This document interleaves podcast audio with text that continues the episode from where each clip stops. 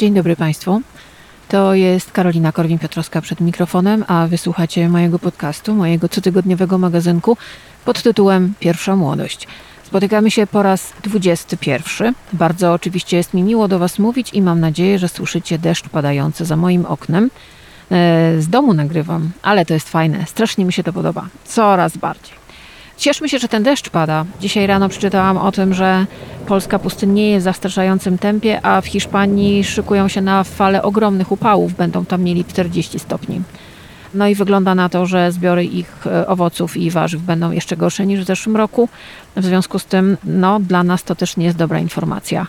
E, może niedługo być tak, i nie chcę tutaj straszyć, że w związku ze zmianami klimatycznymi, które są nieuchronne i my nie za bardzo robimy cokolwiek, żeby nim je jakoś powstrzymać, no będzie coraz gorzej z warzywami, owocami i z wodą. Zbierajcie deszczówkę, dbajcie o wodę, nie, nie lejcie jej bez sensu u siebie w domu.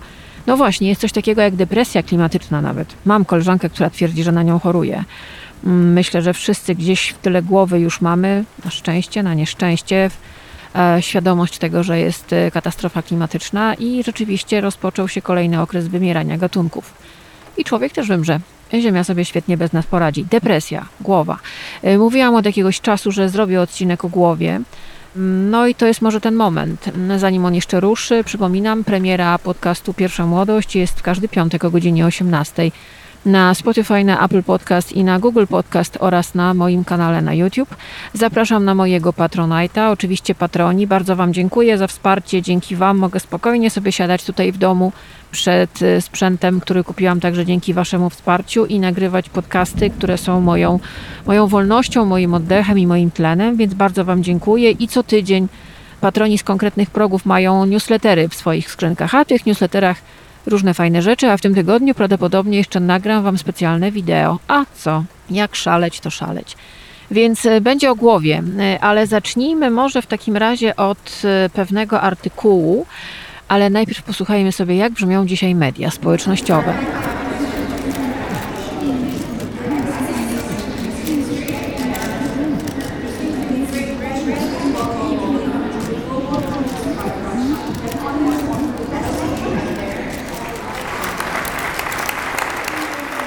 Proszę Państwa, w Washington Post ukazał się artykuł, to jest taki delikatny wstęp do mm, podcastu o głowie. O tym, co się dzieje z dzisiejszymi nastolatkami albo już dorosłymi ludźmi, których całe życie odbywało się przed kamerami iPhone'ów ich rodziców, którzy żyli tak naprawdę mm, na blogach swoich rodziców, no bo mają już teraz po 24-25 lat i mówią wprost: zrobiono nam coś niewybaczalnego. Niejaka Cam Barrett ma obecnie 24 lata i jest y, teraz strategiem do spraw mediów społecznościowych, mieszka w Chicago. I całe jej życie zostało udokumentowane online, ponieważ jej matka nieustannie publikowała o niej posty i blogi. Wymyślała też różne historie oparte na osobistych wydarzeniach, ale nie tylko.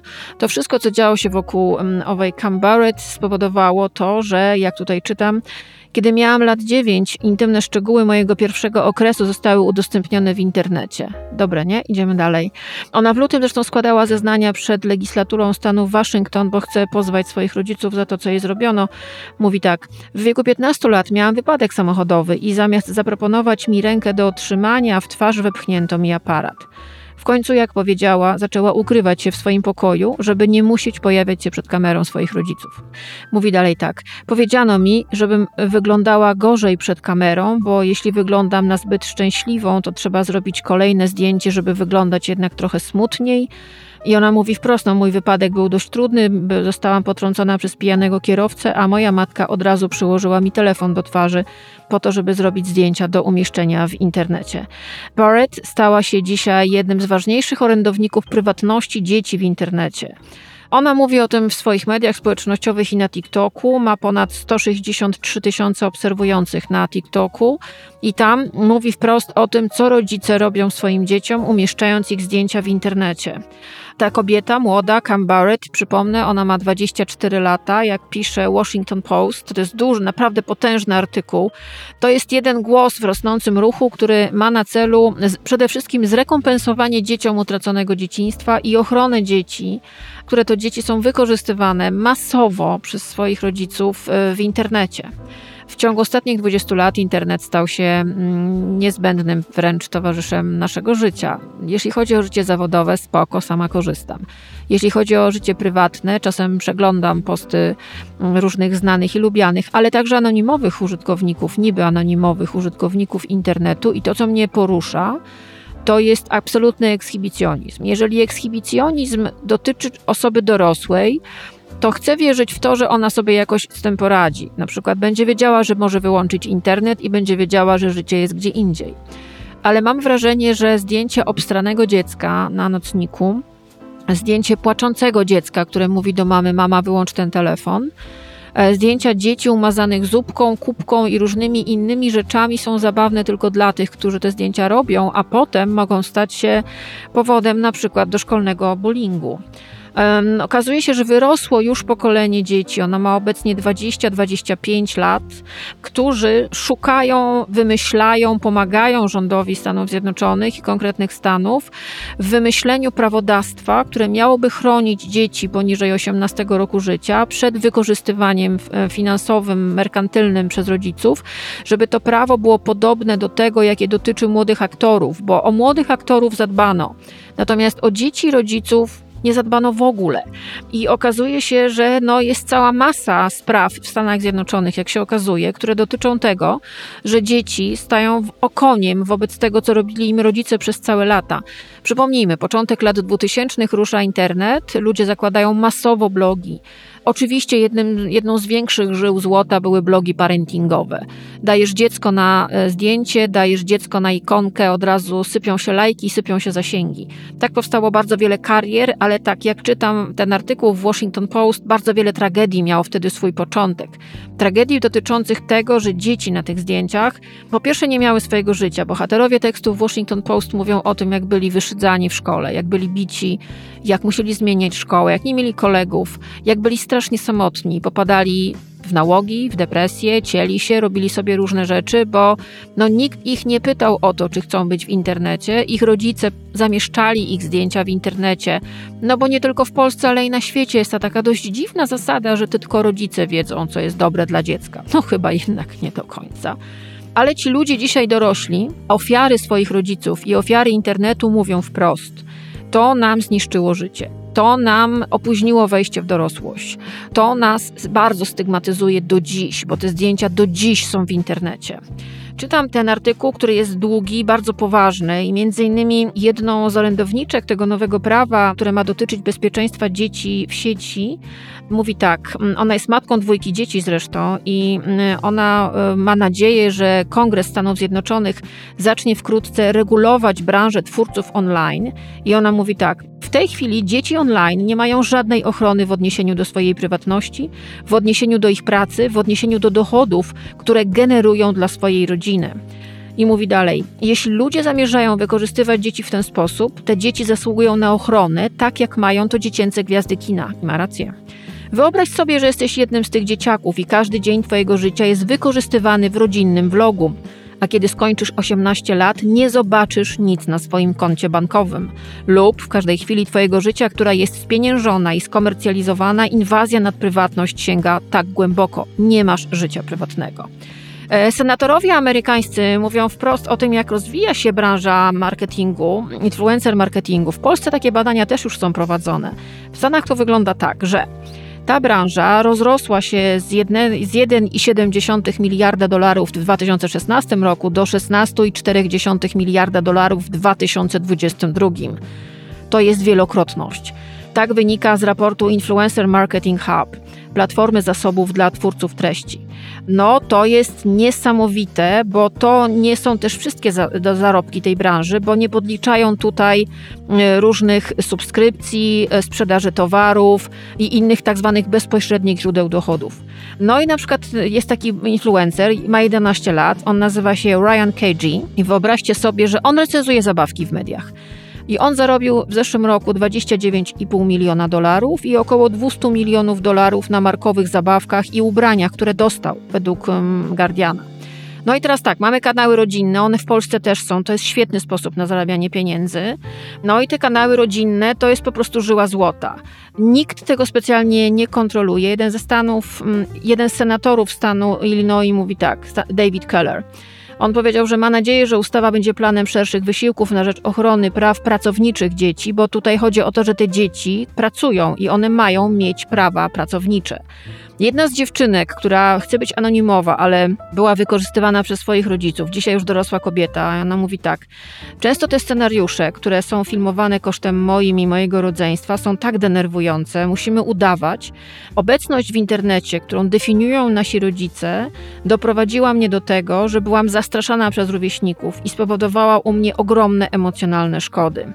Nie miałem przyjaciół, mówi inny bohater tego tekstu. Byłem śledzony z powodu mojego wizerunku w internecie i musieliśmy zgłosić prześladowcę na policję, czyli dzieci stykają się ze stalkingiem. Ale też oczywiście ani na chwilę nie zwolniono nagrań, mimo tego stalkera, który stał pod domem, jak tutaj czytam. Nie dano jakiegokolwiek sygnału, że no, to, to życie w internecie jest y, jednak problemowe. Cały czas miało być cudowne. Senatorzy amerykańscy mówią między innymi też tak, że dzieci, które są przedmiotem blogerów rodzinnych lub vlogerów, zasadniczo, i tutaj bym chciała, żeby Polacy posłuchali, zasadniczo pracują od chwili, gdy się budzą, aż do momentu, gdy idą spać. Ich życie, ich dom to ich scena. Jeśli to nadal będzie miało miejsce, powinny istnieć prawa chroniące pracę dzieci. Wiele z tych dzieciaków, ich życie cały czas jest podzielone między sferę prywatną i zawodową, i tak naprawdę sfera prywatna zlewa się ze sferą zawodową. One nieustannie występują przed kamerą. Bardzo ciekawy jest artykuł, ale też w Polsce już zaczyna się o tym mówić coraz częściej. Niektórzy chcą pozwać Big Techy za to, co się stało, za to, że Big Techy zawiedli. Big Techy nie dały ochrony dzieciakom. Nie wierzę w to, że nikt zakładając Facebooka, Instagrama, TikToka, Snapchata, wszystkie te różne badziewia, nie przewidział tego, że to się dostanie do dzieci i że dziecko stanie się towarem. Wszak nie ma nic fajniejszego niż dziecko albo kotek na zdjęciu, prawda? Przecież to tak od razu generuje tyle klików. Ja polecam z polskiego podwórka mm, felieton Sylwii Czubkowskiej z magazynu Pismo pod tytułem Smartfon jednak nie krzepi. To jest bardzo mądry tekst. Sylwia zna się na nowych technologiach i na nowych mediach. Przeczytam Państwu fragment. To jest bardzo ważny fragment. Uwaga. 2 marca 2023 roku francuskie Zgromadzenie Narodowe przegłosowało z kolei prawo o ustanowieniu tzw. Tak dojrzałości cyfrowej. Francja wypowiedziała najpierw wojnę fikcji, jaką latami zasłaniały się media społecznościowe. Regulaminom z zapisem, że konta mogą mieć tylko osoby powyżej 13 roku życia. Nikt nie próbował nawet udawać, że faktycznie to kontroluje. Na mocy nowego francuskiego prawa platformy cyfrowe będą musiały jednak wprowadzić rozwiązania, które narzucą ograniczenia wiekowe na etapie rejestracji użytkowników. Ma to się przełożyć na całkowity zakaz zakładania kont w serwisach społecznościowych przez dzieci poniżej 13 roku życia. Platformy mają bowiem sprawdzać, czy wiek podany podczas rejestracji jest zgodny z prawem. Przegłosowano też zmiany we francuskim kodeksie cywilnym, a dokładniej dodano zapis dotyczący życia prywatnego dzieci. Uwaga, Francuzi zorientowali się, że dzieci mają życie prywatne. Uwaga, Polacy. Czytam dalej. Rodzice mają być prawnie zobligowani do zagwarantowania dzieciom poszanowania ich praw do swojego wizerunku, czyli skończenia z bezmyślnym sharentingiem. No, ciekawe, co na to polscy influencerzy i ciekawe, czy ktoś u nas się w ogóle zdecyduje zrobić coś takiego. Dalsza część tekstu takim, który może nawet skończyć się w sądzie. Jak choćby w sprawie dwuletniego Artura, którego nagie zdjęcie z butelką piwa w jednej ręce i siusiakiem w drugiej stało się zarzewiem procesu sądowego. Dla ojca zdjęcie było tak zabawne, że postanowił się nim podzielić na Facebooku. Fotka jednak nie rozbawiła matki i kiedy ojciec odmówił usunięcia pliku, matka powiadomiła prokuraturę. Sądowa batalia w tej pierwszej w Polsce sprawie o parental trolling, tak to się nazywa, trwała 4 lata. W końcu sąd drugiej instancji orzekł, że zdjęcie ma zniknąć, a w ramach kary za ośmieszenie dziecka ojciec został skazany na trzy miesiące ograniczenia wolności i prace społeczne. Uwaga, proszę Państwa, uwaga, kochani drodzy rodzice. Tak, oczywiście ja nie mam dzieci, zaraz ktoś mi to wytknie, dziękuję, wiem o tym. Ale czasami lepiej chyba nie mieć dzieci, niż wykorzystywać je do, zarabia do zarabiania. Miejcie świadomość, że te Wasze dzieci kiedyś podrosną i powtórzę zdanie, które kiedyś powiedziałam w tym podcaście. Życzę Wam, żeby kiedyś Wasze dzieci pozwały Was was do sądu, bo to już się dzieje. Miejcie świadomość, że te dzieci mają prywatność, że one mają na przykład prawo do pieniędzy, które zarabiacie ich kosztem mhm. i że na przykład może kiedyś obejmą je jakieś prawa pracownicze, emerytura, hmm, coś takiego. Zachęcam do przeczytania całego tekstu Sylwii Czubkowskiej w miesięczniku Pismo, w magazynie Pismo, bo to naprawdę jest bardzo ważny tekst. He's been depressed. All of a sudden he can't do anything. Why are you depressed, Alvy? Tell Dr. Flicker. It's something he read. Something you read, huh? The universe is expanding. The universe is expanding. Well, the universe is everything, and if it's expanding, someday it will break apart, and that will be the end of everything. What is that your business? He stopped doing his homework. What's the point? What has the universe got to do with it? You're here in Brooklyn. Brooklyn is not expanding. It won't be expanding for billions of years yet. And we've got to try and enjoy ourselves while we're here, huh? Huh? To, co przed chwilą słyszeliście, to był fragment filmu Annie Hall, czyli mały Elvi, który przestał odrabiać pracę domową, ponieważ dowiedział się, no, że świat y, będzie, no, świat przestanie istnieć po prostu i to nie ma sensu, żeby odrabiać pracę domową, czyli Annie Hall Woody'ego Allena, 1977 rok. Woody Allen tutaj jest także dlatego, że on jako jeden z pierwszych jakby dał nam w mainstreamie postać psychoterapeuty. Motyw psychoterapii, motyw człowieka na kozetce, który kładzie się albo siedzi i mówi do swojego terapeuty i terapeuty, który no, jest w jakiejś interakcji ze swoim pacjentem. Dzięki filmom Woody Allena między innymi stał się nam bliższy. I myślę, że dzisiaj może też dzięki tym filmom i tym scenom mamy większą tolerancję dla ludzi, którzy na przykład tak jak ja chodzą na terapię, proszę Państwa. Można zwariować rzeczywiście. W związku z tym teraz y, trzy moim zdaniem najlepsze filmy, które polecałabym Wam, żeby obejrzeć sobie i pomyśleć sobie o tym, że ten film oczywiście jest rozrywką, jest celuloidową bajką, ale też jest opowieścią o ludzkiej tragedii. Zacznijmy może od filmu z 1975 roku. Jego tytuł to Lot nad kukułczym gniazdem. Opowieść o człowieku versus układ totalitarny, czyli pacjent versus szpital psychiatryczny i versus słynna siostra Ratchet. Przypomnę, reżyserem tego filmu był Miloš Forman.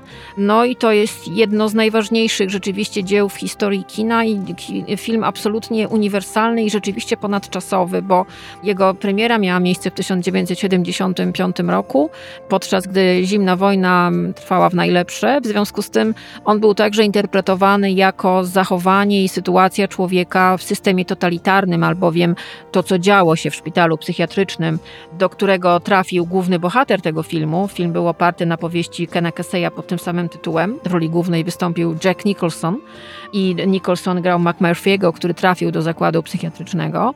No i był taką duszą dość niepokorną.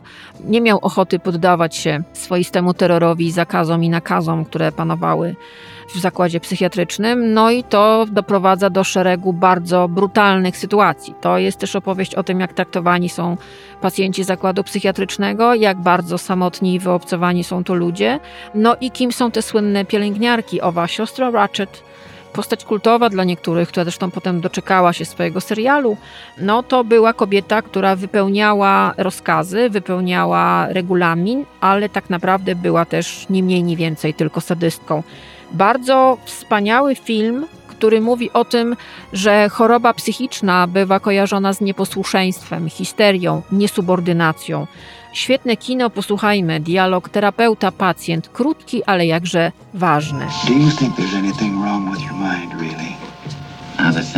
Następny z filmów, który mówi o chorobach psychicznych, to jest, proszę Państwa, Czarny Łabędź, czyli jeżeli jesteś kobietą, mężczyzną, płeć nie ma tutaj znaczenia, ale na przykład wchodzisz do pokoju hotelowego, tak jak jedna moja dale, daleka znajoma, która przyjechała na podróż poślubną do bardzo wypasionego, wielogwiazdkowego za miliony hotelu na Bali ze swoim ówczesnym mężem.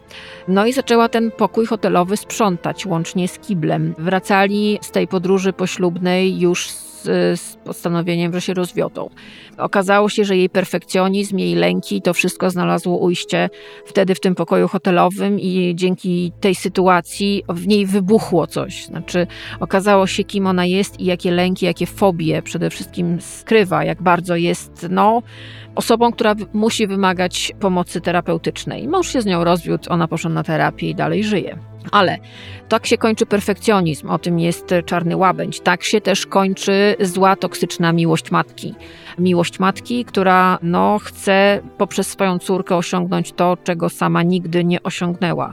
No i na tym też polega rywalizacja. Rywalizacja, która jest chora, jest y, psychopatyczna kiedy no, główna bohaterka widzi, że jest ktoś lepszy od niej, bardziej prawdziwy. Tam pada taki argument: ona nie udaje, spójrz, ona nie udaje, a wszystko to dzieje się w świecie baletu. No to główna bohaterka, grana zresztą wspaniale, uhonorowana na Oscarem Natalie Portman w filmie Darena Aronowskiego Czarny Łabędź, no ewidentnie wpada w szał. Zresztą posłuchajmy, to jest fragment y, zwiastunu tego filmu. I had the craziest dream last night about a girl who was turned into a swan. But her prince falls for the wrong girl and she kills herself.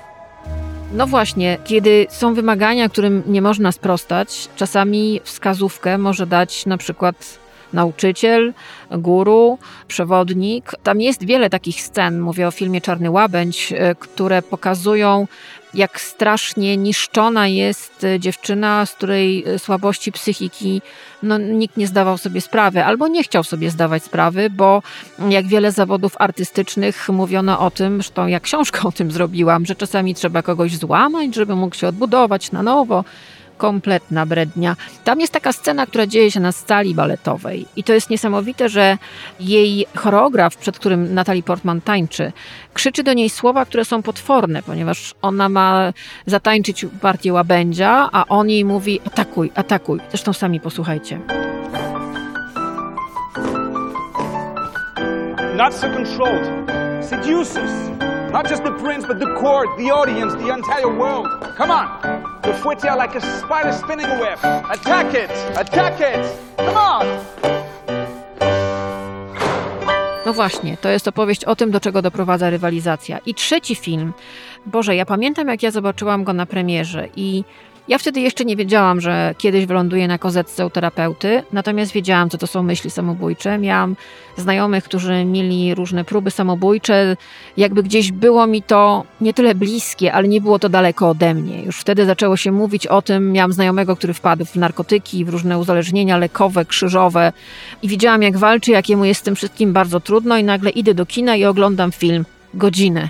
Proszę bardzo, posłuchajcie. Your aunt's a very lucky woman, Angelica, because she has two lives. She has the life she's leading, also the book she's writing.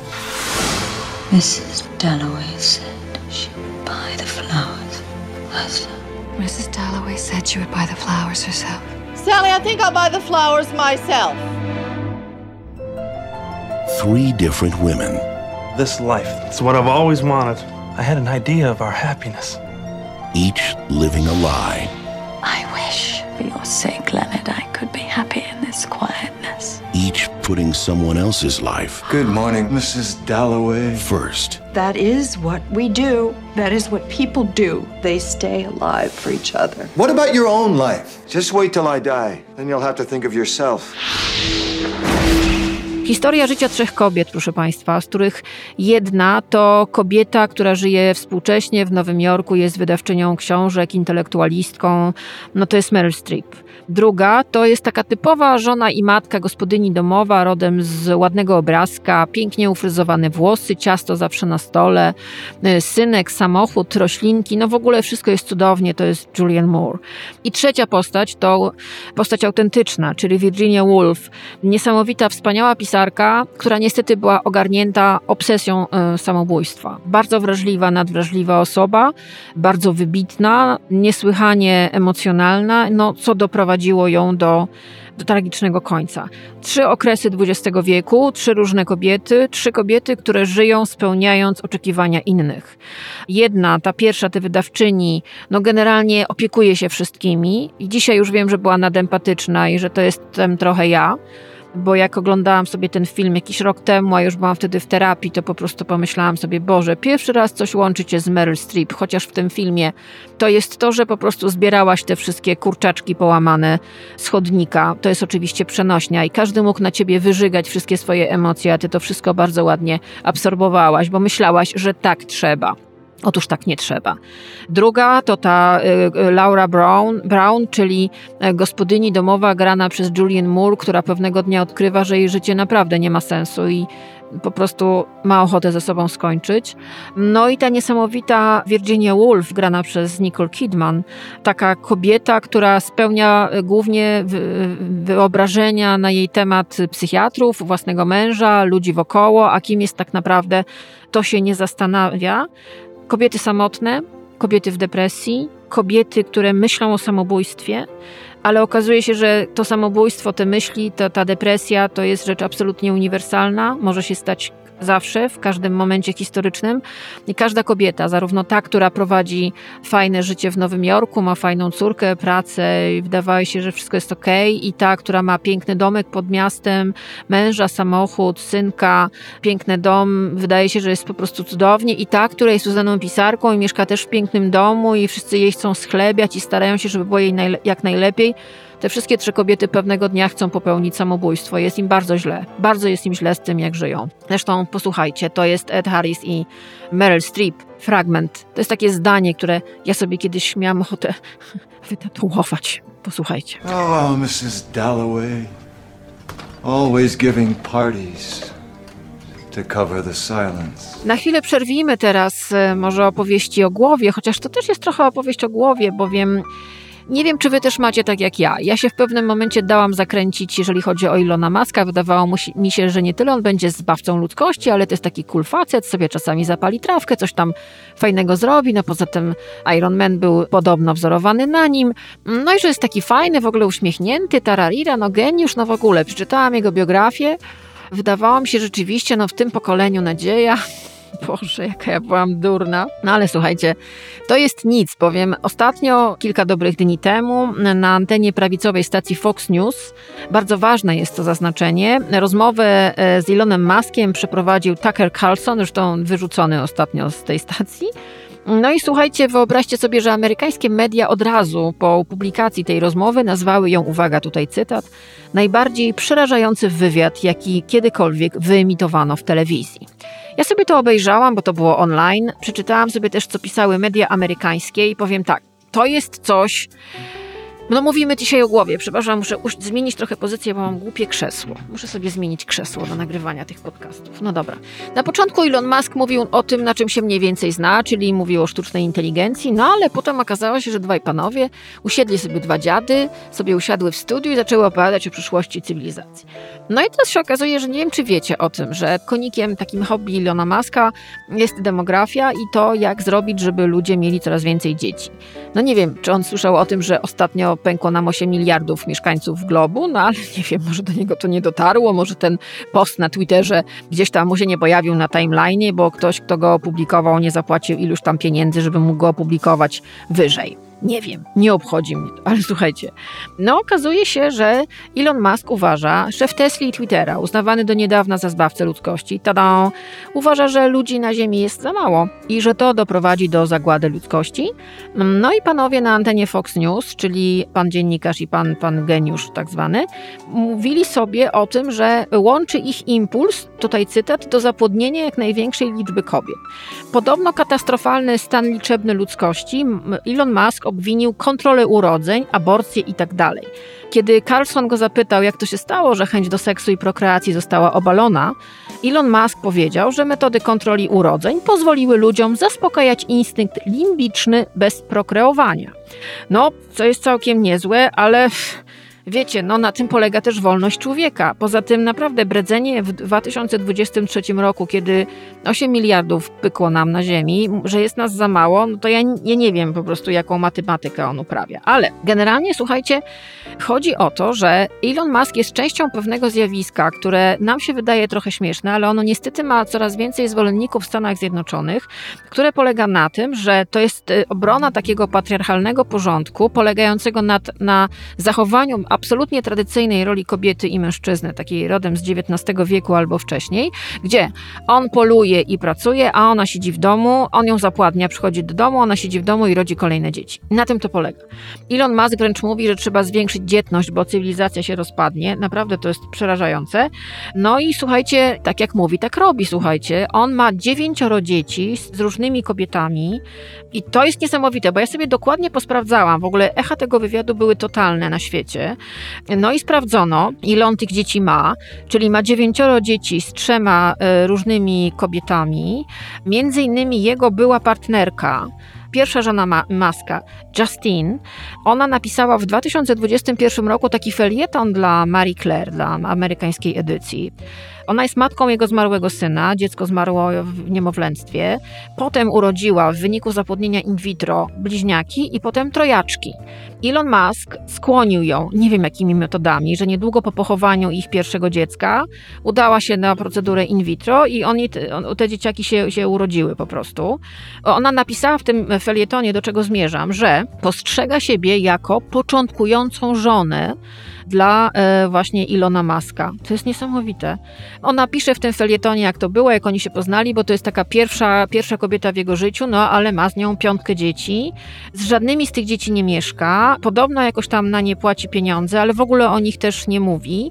Co jest ciekawe, jest taki artykuł na Independent, który się pojawił właśnie po tym wywiadzie Ilona Maska, gdzie na przykład jest jeszcze ktoś taki, kto nazywa się Nick Cannon. No i ten Nick Cannon, który ma 12 dzieci z różnymi matkami, z sześcioma różnymi matkami, ostatnio stwierdził w wywiadzie, że chciałby mieć 13 dziecko, nie mniej, nie więcej, tylko z Taylor Swift. Oczywiście internet zareagował, że bardzo współczuje Taylor Swift, a poza tym, czy dlaczego Nick Cannon chce ją zgwałcić, no i dlaczego nic z tym nic nie robi, bo to jest tak naprawdę zapowiedź przemocy erotycznej. Okazuje się, że zjawisko wśród mężczyzn, którzy uważają się za takich nosicieli nasienia albo spermy w celu zapłodnienia całej masy kobiet i spłodzenia całej masy dzieci, to w ramach ochrony ziemi, to już jest jakaś kompletna brednia, no to to jest totalnie niesamowite. W Independent pytają między innymi etyków, którzy mówią wprost, no delikatnie mówiąc, Maskowi się coś pomyliło, bo generalnie rozmawiamy z uprzywilejowanym białym mężczyzną, który jest miliarderem, który robi co chce i z kim chce i e, no, z żadną ze swoich kobiet nie mieszka. Jego ostatnia partnerka, z którą ma dwoje dzieci, mieszka sama, sama wychowuje te dzieci. On sobie nie zawraca głowy macie, byciem ojcem ani czymś takim, nie, nie. Jego, jego e, tacierzyństwo jest dalekie od jakiegokolwiek glamuru, on tego nie pokazuje. W przeciwieństwie na przykład do Aleka Baldwina, który ze swoją nową żoną ma siedmioro dzieci, bo poprzednie jedyne miał z Kim Basinger, jego najstarsza córka Ireland ma 27 lat, no a całkiem niedawno, w marcu 22 roku urodziło się jego ósme dziecko. I mało tego, ta jego żona też uważa, że jej rolą jest to, żeby płodzić kolejne baldwiniątka, że tak powiem. Więc etycy mówią tak, no świetnie, to dotyczy ludzi bogatych i uprzywilejowanych, stać ich na to i mają na niańki, zresztą Elon Musk w tym felietonie, w tym eseju, o którym mówiłam, e, który napisała jego pierwsza żona, ona powiedziała, kiedy oni tak sobie rozmawiali, jak byli młodzi, on się jej zapytał, ile chciałabyś mieć dzieci? Ona powiedziała, no jedno, dwoje, on mówi, a nie więcej? Przecież po co są niańki? No więc to jest tak na takiej zasadzie, że jest taki trochę Lebensborn, no. Robimy te dzieci, wychowują je obcy ludzie, a my robimy kolejne dzieci, no jakaś po prostu masakra. Tak wam rzuciłam taki temat, o którym mówi Ameryka i który jest dość ciekawy. Why don't you take something for your nerves, dear, and please don't call me before nine o'clock. No to była oczywiście Alexis Colby. No właśnie, która komuś tam przez telefon poradziła, żeby. O Jezu, właśnie tu uderzam w mikrofon. Poradziła, żeby wziął coś na nerwy. No i teraz będzie o książkach. O książkach, które są o głowie, między innymi. Wszystkie te książki kupiłam, muszę tutaj poprzestawiać. Jest trochę mało miejsca. Chyba muszę kupić większe biurko. No nie wiem, zobaczymy. Pierwszą książką, którą mam w ręku, to jest Clue. Jak być sobą, gdy jesteś wszystkim innym. Kleo Ćwiek, modelka i aktywistka w rozmowie z Trzebuchowską. Ja sobie tę książkę kupiłam zaraz po jej premierze, normalnie w księgarni. Kleo Ćwiek jest aktywistką. Ja ją, na nią trafiłam w internecie, bo ona otwarcie mówi o swoich zaburzeniach psychicznych.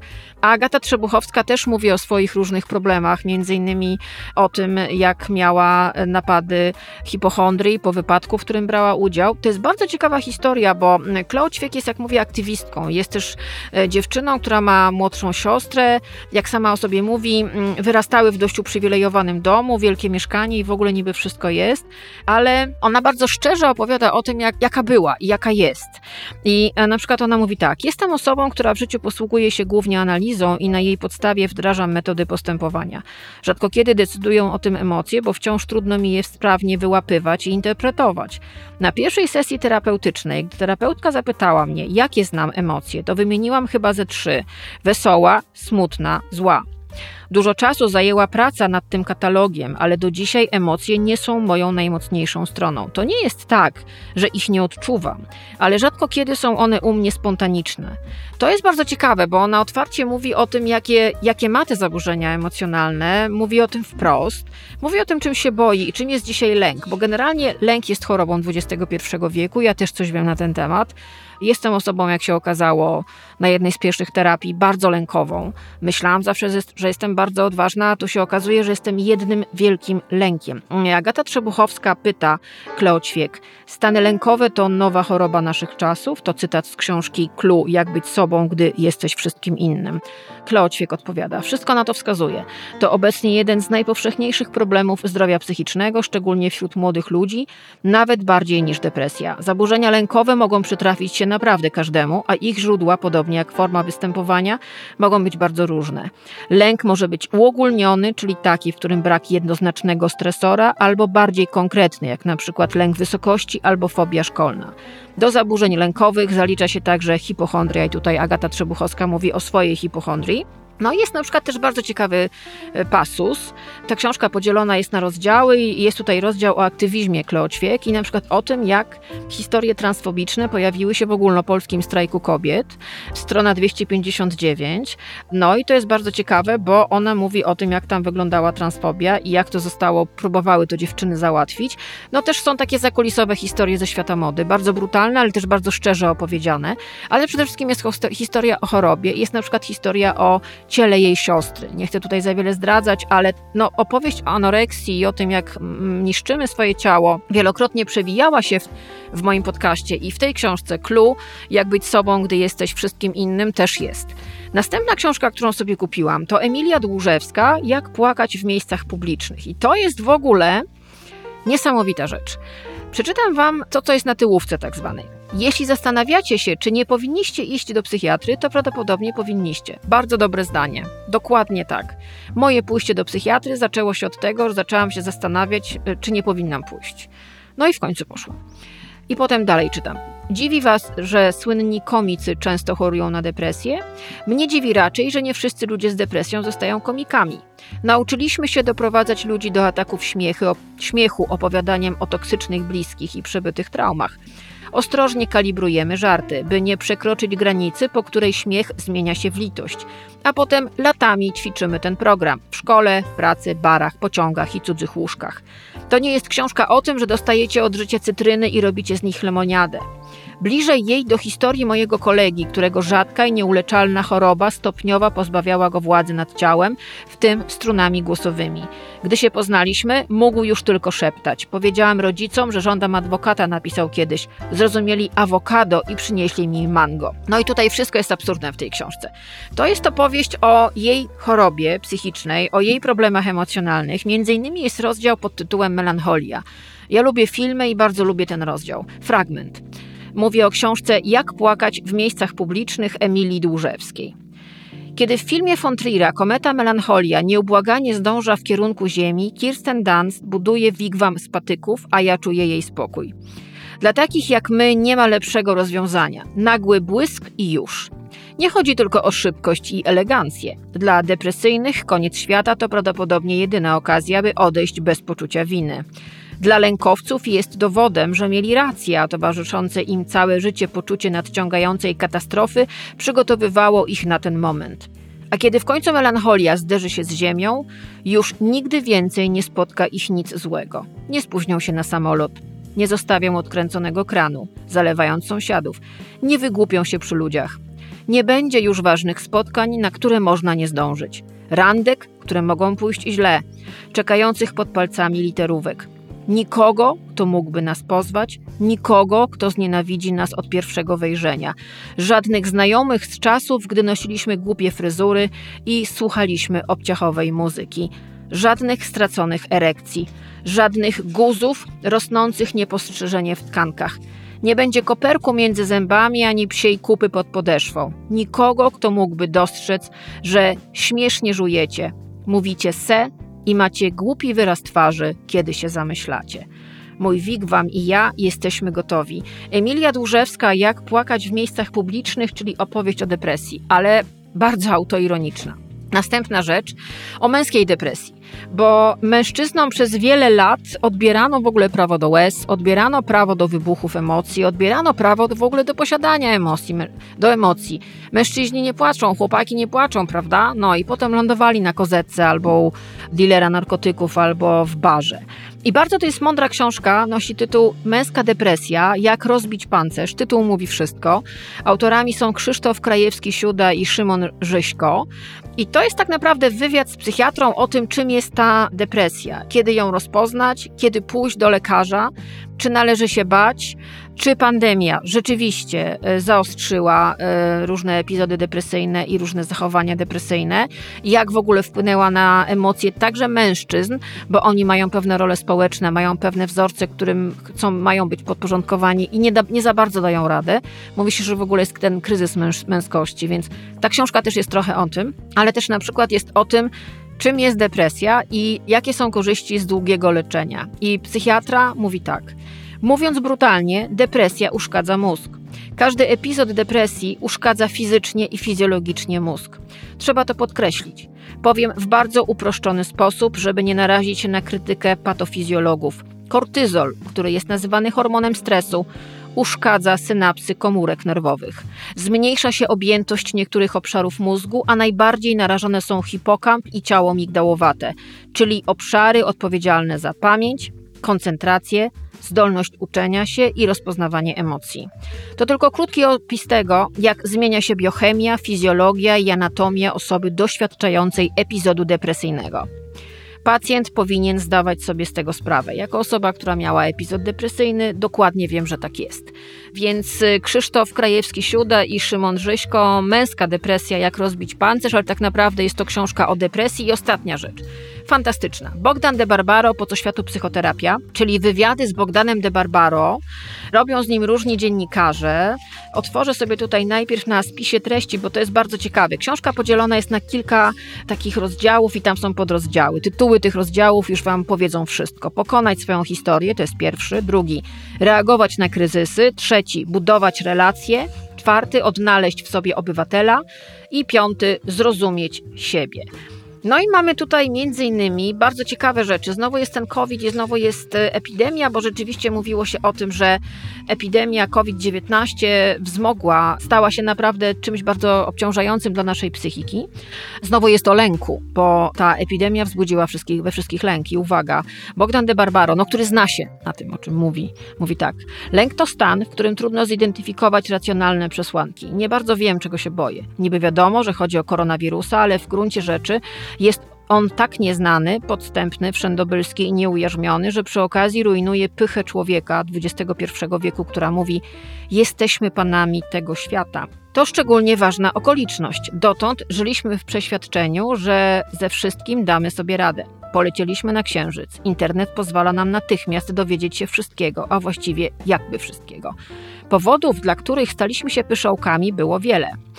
Kiedy za parę miesięcy będzie lekarstwo, a za paręnaście szczepionka, nasza pycha może się odrodzi, ale na razie takie małe coś pokonuje ludzkość, zdejmuje nam koronę z głowy. Jest też ciekawy rozdział o córce, o ojcu i o córce. Rozmawia z Bogdanem de Barbaro mm, w książce Po co światu psychoterapia Agnieszka Jucewicz. Może jedno pytanie, od razu początek. Co może dać ojciec córce, czego mama jej nie da? De Barbaro odpowiada: Gdybym dzisiaj był ojcem, powiedzmy, pięcioletniej córki, to chciałbym pokazywać jej świat pozytywnie. Uczyć ją odróżniania dobra od zła, brzydkiego od ładnego, bliskich relacji od dalekich, kiedy jest bezpiecznie, a kiedy nie. Bardzo ważna książka, którą można otwierać w dowolnym miejscu. Mówię o książce Po co światu psychoterapia Bogdana de Barbaro i po prostu sobie czytać i czegoś się dowiadywać, między innymi o naszej głowie. Things on your mind? Sort of. Don't let them get you down. Always remember, it can be worse tomorrow. That's what I'm afraid of. To była Barbara Stanwyck z filmu pod tytułem Witness to Murder. No właśnie, zawsze może być gorzej jutro. No i na koniec, trochę filmowo, bo chciałam Państwu przypomnieć a propos głowy. Dzisiaj mówimy głównie o głowie, ale z Elonem Maskiem. On ma chyba też coś z głową. Niech będzie, że go szejmuje, a co tam. Na Netflixie jest dokument, który ja już widziałam chyba ze trzy razy. Nie ukrywam, poleciła mi go moja terapeutka. Teraz się napiję herbatki, bo po prostu zaschło mi w gardle. Dokument nosi tytuł Stuc. I to jest opowieść, którą nakręcił pacjent o swoim terapeucie. I to jest naprawdę niesamowita opowieść, bowiem okazuje się, że popularny aktor w filmie Stuc rozmawia ze swoim terapeutą, a ten terapeuta w specjalnie zrobionym studiu, które imituje jego gabinet na Greenboxie, co zresztą bardzo fajnie wygląda, zresztą oni się z tego też tam śmieją, no pokazuje swoje metody działania. To jest spotkanie pacjent-lekarz, pacjent-terapeuta, ale tak w ogóle to jest spotkanie, które on, mówi o tym, czym jest nasze życie i czym, jest, czym są nasze motywacje. I to jest też spotkanie, które pokazuje Stuca, który jest no, e, lekarzem wręcz kultowym w Stanach Zjednoczonych. Kiedy na TikToku pojawiły się nagrania z nim z hashtagiem Stuc Netflix, obejrzało je blisko 166 miliardów razy. W, w opisach są jakieś, były, ja pamiętam jak się zbliżała premiera na Netflixie w zeszłym roku tego filmu, były same entuzjastyczne komentarze. One oczywiście są trochę powierzchowne, jak wszystko w internecie, ale co nie zmienia faktu, że no, Stuc jest takim bardzo modnym terapeutą, to jest takie modne nazwisko, zjawisko, które bardzo działa też na wyobraźnię, ale trzeba przyznać, kiedy włączy się ten film, on zmusza człowieka do skupienia na tym, co jest na ekranie i zmusza do słuchania go. W dzisiejszych czasach, kiedy jesteśmy bombardowani różnymi bodźcami, wszystkiego jest za dużo jest za głośno, ja mam czasami wrażenie, że gdyby nie to, że chodzę po ulicy w słuchawkach, to bym naprawdę zwariowała albo zaczęłabym krzyczeć. Dopiero by mnie zamknęli wtedy. No ale Phil Stutz jest człowiekiem bardzo ważnym, jest takim guru dla wielu psychoterapeutów. No i jest też człowiekiem, który sam boryka się z chorobą. On y, widzimy w tym filmie, jak drży mu ręka. On jest chory na Parkinsona, zresztą w pewnym momencie zachęca, weźmiesz moje leki. Jest to takie śmieszno-straszne trochę momentami. On też ma duże poczucie swojego przemijania ma świadomość swojej choroby, że jest nieuleczalna i że on teraz pomaga ludziom, ale za chwilę sam może wymagać pomocy. Zresztą posłuchajcie, to jest pierwsza połowa zwiastunu filmu dokumentalnego na Netflixie pod tytułem Studs. To jest naprawdę półtorej godziny niesamowitej jazdy w głąb nas. What's up, Studs? Hi, Jonah. Okay, entertain me. I'm just gonna start by acknowledging how odd this endeavor is. A patient making a movie about his therapist. But my life has gotten immeasurably better as a result of working with you. If it worked for me, maybe it will work for other people. The average shrink will say, don't intrude on the patient's process. They will come up with the answers when they're ready. That's not acceptable. They just listen. And your friends, who are idiots, give you advice. And you want your friends just to listen, and you want your therapist to give you advice. You don't have to solve all their problems, but you have to give somebody the feeling that they can change right now. What's wrong, Jonah? How can I make a movie where I'm talking about people being vulnerable and working on their problems and not be vulnerable myself? You can't move forward without being vulnerable. Vulnerability connects to the rest of the world. You're giving out the signal to the world, I need you because I can't do this by myself. Tym aktorem, który z nim rozmawia, jest Jonah Hill, bardzo charakterystyczny komediowy aktor amerykański, który był jego pacjentem i on powiedział wprost, że ponieważ spotkanie jego ze Stucem zmieniło jego życie i bardzo mu pomogło, to pomyślał sobie, że po prostu nakręci dokument i ten dokument może też pomoże bardzo wielu ludziom. Sądząc po reakcji na ten film, tak się trochę dzieje. E, radzę wam sobie to obejrzeć. Nie chcę wam opowiadać, bo nie da się opowiedzieć spotkania dwóch mężczyzn, z których jeden jest pacjentem, drugi jest jego terapeutą. Obaj są dowcipni, obaj odkrywają swoją intymność, mówią o swoim życiu, mówią o swoich upadkach i wzlotach. Na przykład tam pada takie zdanie, które mi się bardzo podoba. Wstyd i zażenowanie utrzymują jedność wszechświata. Dobre, nie? I to naprawdę jest bardzo ciekawe. Te techniki Stuca, które zresztą możemy obejrzeć na YouTubie na przykład. Zresztą on, on je dokładnie pokazuje. Film jest czarno-biały, też nie epatuje jakimiś kolorkami. To też jest super, że w pewnym momencie My się musimy naprawdę skupić. Stuc jest świetnym gawędziarzem i widać, że jest absolutnym fachowcem. Widać, słychać lata doświadczenia w jego głosie, w jego sposobie mówienia. I to naprawdę robi ogromne wrażenie. Widać, że to jest człowiek, który w jakimś sensie ma klucz do duszy, do emocji, do serca, do głowy większości z nas.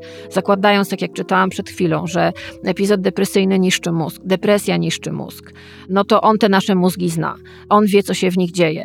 I na pewno jest ostatnią osobą, która będzie wytykała palcami, co widać w tym, w tym filmie. I myślę, że dlatego Hillowi on tak pomógł, bo się z niego nie śmiał, albo śmiał się razem z nim, ale nie z niego, co też jest bardzo ważne. No i rzeczywiście mam takie wrażenie też, że aktor, który robi ten film, Johna Hill, on chce po prostu pokazać, jak bardzo jest wdzięczny swojemu terapeucie. My nie wiemy wszystkiego o tej terapii, bo też nie możemy wiedzieć, mimo że dowiadujemy się dużo, w jakim momencie Johna Hill do niego trafił, dlaczego, dowiadujemy się o tym, jak był bullyingowany, jak był młody. No, różne tam się historie dzieją, ale nie wiemy wszystkiego, znaczy nie, nie, nie widzimy akt medycznych na szczęście. Ale widać, że między tymi dwoma mężczyznami jest bardzo fajna, emocjonalna więź, bo mam takie wrażenie, jak oglądałam film Stuc, że rzeczywiście Stuc już wszystko wie prawie o Hillu, prawie, to jest bardzo ważne, wiemy, że prawie robi różnicę, a Hill jest mu wdzięczny za to, że on wie wszystko i że może się przed nim odkryć. Ja myślę, że po to chodzimy na terapię, po to, że spotykamy kogoś, kto nas słucha, ale nie jest tylko naszym kolegą, przyjacielem, przyjaciółką, którzy będą nam dawać rady, on nas słucha. Ja jestem na terapii czwarty rok i wiem, że czasami ważne jest, żeby zapłacić komuś pieniądze, żeby mnie wysłuchał i żeby nie był moim przyjacielem, żeby mnie nie usprawiedliwiał, tylko żeby ze mną porozmawiał, ale najpierw, żeby mnie posłuchał. No i to magiczne słowo. Co u ciebie? Jak się dzisiaj czujesz? Ja muszę przyznać, że jak pierwszy raz poszłam na terapię, to w ogóle nie wiedziałam, co odpowiedzieć, bo miałam wrażenie, że to pytanie zadał mi ktoś pierwszy raz w życiu. I dlatego dzisiaj chciałam z Wami porozmawiać o, o głowie, bo ja też wiem, jak głowa jest ważna i wiem, że głowę trzeba leczyć. Jeżeli coś się złego dzieje, trzeba po prostu wszystko naprawiać. To się da naprawić. Osoba, która mówi do Was te słowa, naprawiła, zrobiła co mogła i cały czas robi, a mam za sobą niesamowite bagaże, o których nie opowiadam, ale mam je i postanowiłam pewnego dnia po prostu to jakoś sobie naprostować. Bardzo ciekawa jest ta metoda sznura pereł u Stuca, która jest, myślę, bardzo inspirująca. Zresztą posłuchajcie, to jest y, druga część zwiastunu filmu Stuc, filmu dokumentalnego, który możemy oglądać na Netflixie. Posłuchajcie. I was this wildly insecure kid. The work has been accepting and feeling that it's great to be this person. You are still in the struggle and in the fight of being a human just like everybody else. Take action no matter how frightened you are. If you can teach somebody that, they can change their whole life. That makes a lot of sense. This is such a great moment right now. I still wish you would stop dumping so much shit on me.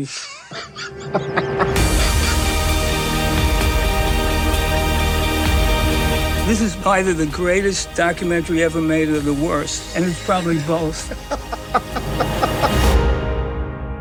Tak się dzisiaj zrobiło trochę nostalgicznie i trochę emocjonalnie, ale było o głowie, proszę Państwa. Głowa jest bardzo ważna, dbajcie o nią. Ja musiałam w pewnym momencie bardzo dużo zmienić w swoim życiu, bo zachorowałam. Okazało się, że muszę także podreperować trochę głowę i nie wstydzę się tego. Zrobiłam sobie dobrze, uratowałam się, podałam sobie samej rękę. I to było najfajniejsze, co mogłam dla siebie zrobić, i dlatego mówię sobie dzisiaj: jesteś po prostu zajebistą dupą i zrobiłaś najlepsze, co mogłaś dla siebie zrobić. Pomogłaś sobie wreszcie. Nie innym, a sobie. Nie dajcie się wpędzić w poczucie winy, nie zdajcie, nie pozwólcie, żeby was ktoś zaraził takimi głupimi zdankami, że modna jest teraz terapia, że nagle wszyscy są chorzy psychicznie, a może rzeczywiście są chorzy psychicznie, ale to nie jest powód do stygmatyzowania kogokolwiek, tylko może trzeba ludziom powiedzieć tak, leczcie się, bierzcie leki, idźcie na terapię, dbajcie o siebie, bo bardzo dużo się nam ostatnio wydarzyło w życiu. Mi się wydarza od 12 roku życia. Ja mam całe życie hardcore i jestem na wojnie, ale to już jest moja sprawa i moja historia. Ale wiem, widzę to po moich znajomych, w ciągu ostatnich paru lat zdarzyło się wiele bardzo złych rzeczy. Jesteśmy bardzo zmęczeni, bardzo niewyspani i bardzo się boimy, a lęk jest bardzo niedobrą rzeczą. Można go okiełznać. Ja swoje lęki próbuję okiełznać i tego Wam bardzo życzę. To był podcast Pierwsza Młodość, odcinek 21. Premiera w każdy piątek na Spotify, na Apple Podcast i na Google Podcast. Patroni z Patronite'a od progu 25 dostaną bardzo wypasiony newsletter i bardzo Wam dziękuję za Wasze wsparcie, bo dzięki Wam mogłam dzisiaj nagrać Myślę, że w miarę wypasiony podcast o głowie, ale to też nie jest wszystko, co chciałam Wam pokazać. Może jeszcze kiedyś wrócimy do tematu głowa, bo jest to też mi temat bardzo bliski i nie będę się chowała i nie będę się ukrywała. Nie zrobiłam nic nikomu złego. Po prostu pewnego dnia poszłam do psychoterapeuty, a potem poszłam do psychiatry i postanowiłam sobie pomóc. I tego Wam życzę, żebyście mieli możliwość pomocy sobie, bo to jest bardzo uwalniające i to bardzo pozwala, pomaga żyć a mamy czasy totalnie gówniane, niestety. I mam wrażenie, że będzie tylko gorzej, więc jedyne co możemy zrobić, to jakoś się zabezpieczyć. A żadne schrony nam nie pomogą, jeżeli głowa po prostu nie daje rady. Mamy też prawo nie dawać już rady. Better than never. No i na koniec, proszę Państwa, może jakieś kwiatki, może jakieś motylki. To był 21 odcinek podcastu Pierwsza Młodość, który przygotowała i prowadziła Karolina Korwin-Piotrowska. Moim wydawcą jest Mateusz Nowosad. Nagrywałam w domu dzięki moim patronom, bo mamy tutaj cały sprzęt i sobie siedziałam i piłam herbatkę i patrzyłam się za okno, gdzie właśnie deszcz przestał padać. Jest późno, jest wieczór, jest noc, jest bardzo ciemno. Dbajcie o siebie i śpijcie dużo. Wiecie, ja miałam taki moment, że spałam e, na dobę 3,25, 3,45 i mogłabym dużo Wam opowiedzieć o bezsenności, która wynika ze zmęczenia i o tym, do czego prowadzi bezsenność. Jestem człowiekiem, który odzyskał sen i za chwilę właśnie się pewnie położę pod moją obciążającą kołdrą z Ikei i zasnę. Życzmy sobie spokojnych, zdrowych snów i posłuchajmy na koniec trochę ptaków. Do usłyszenia za tydzień.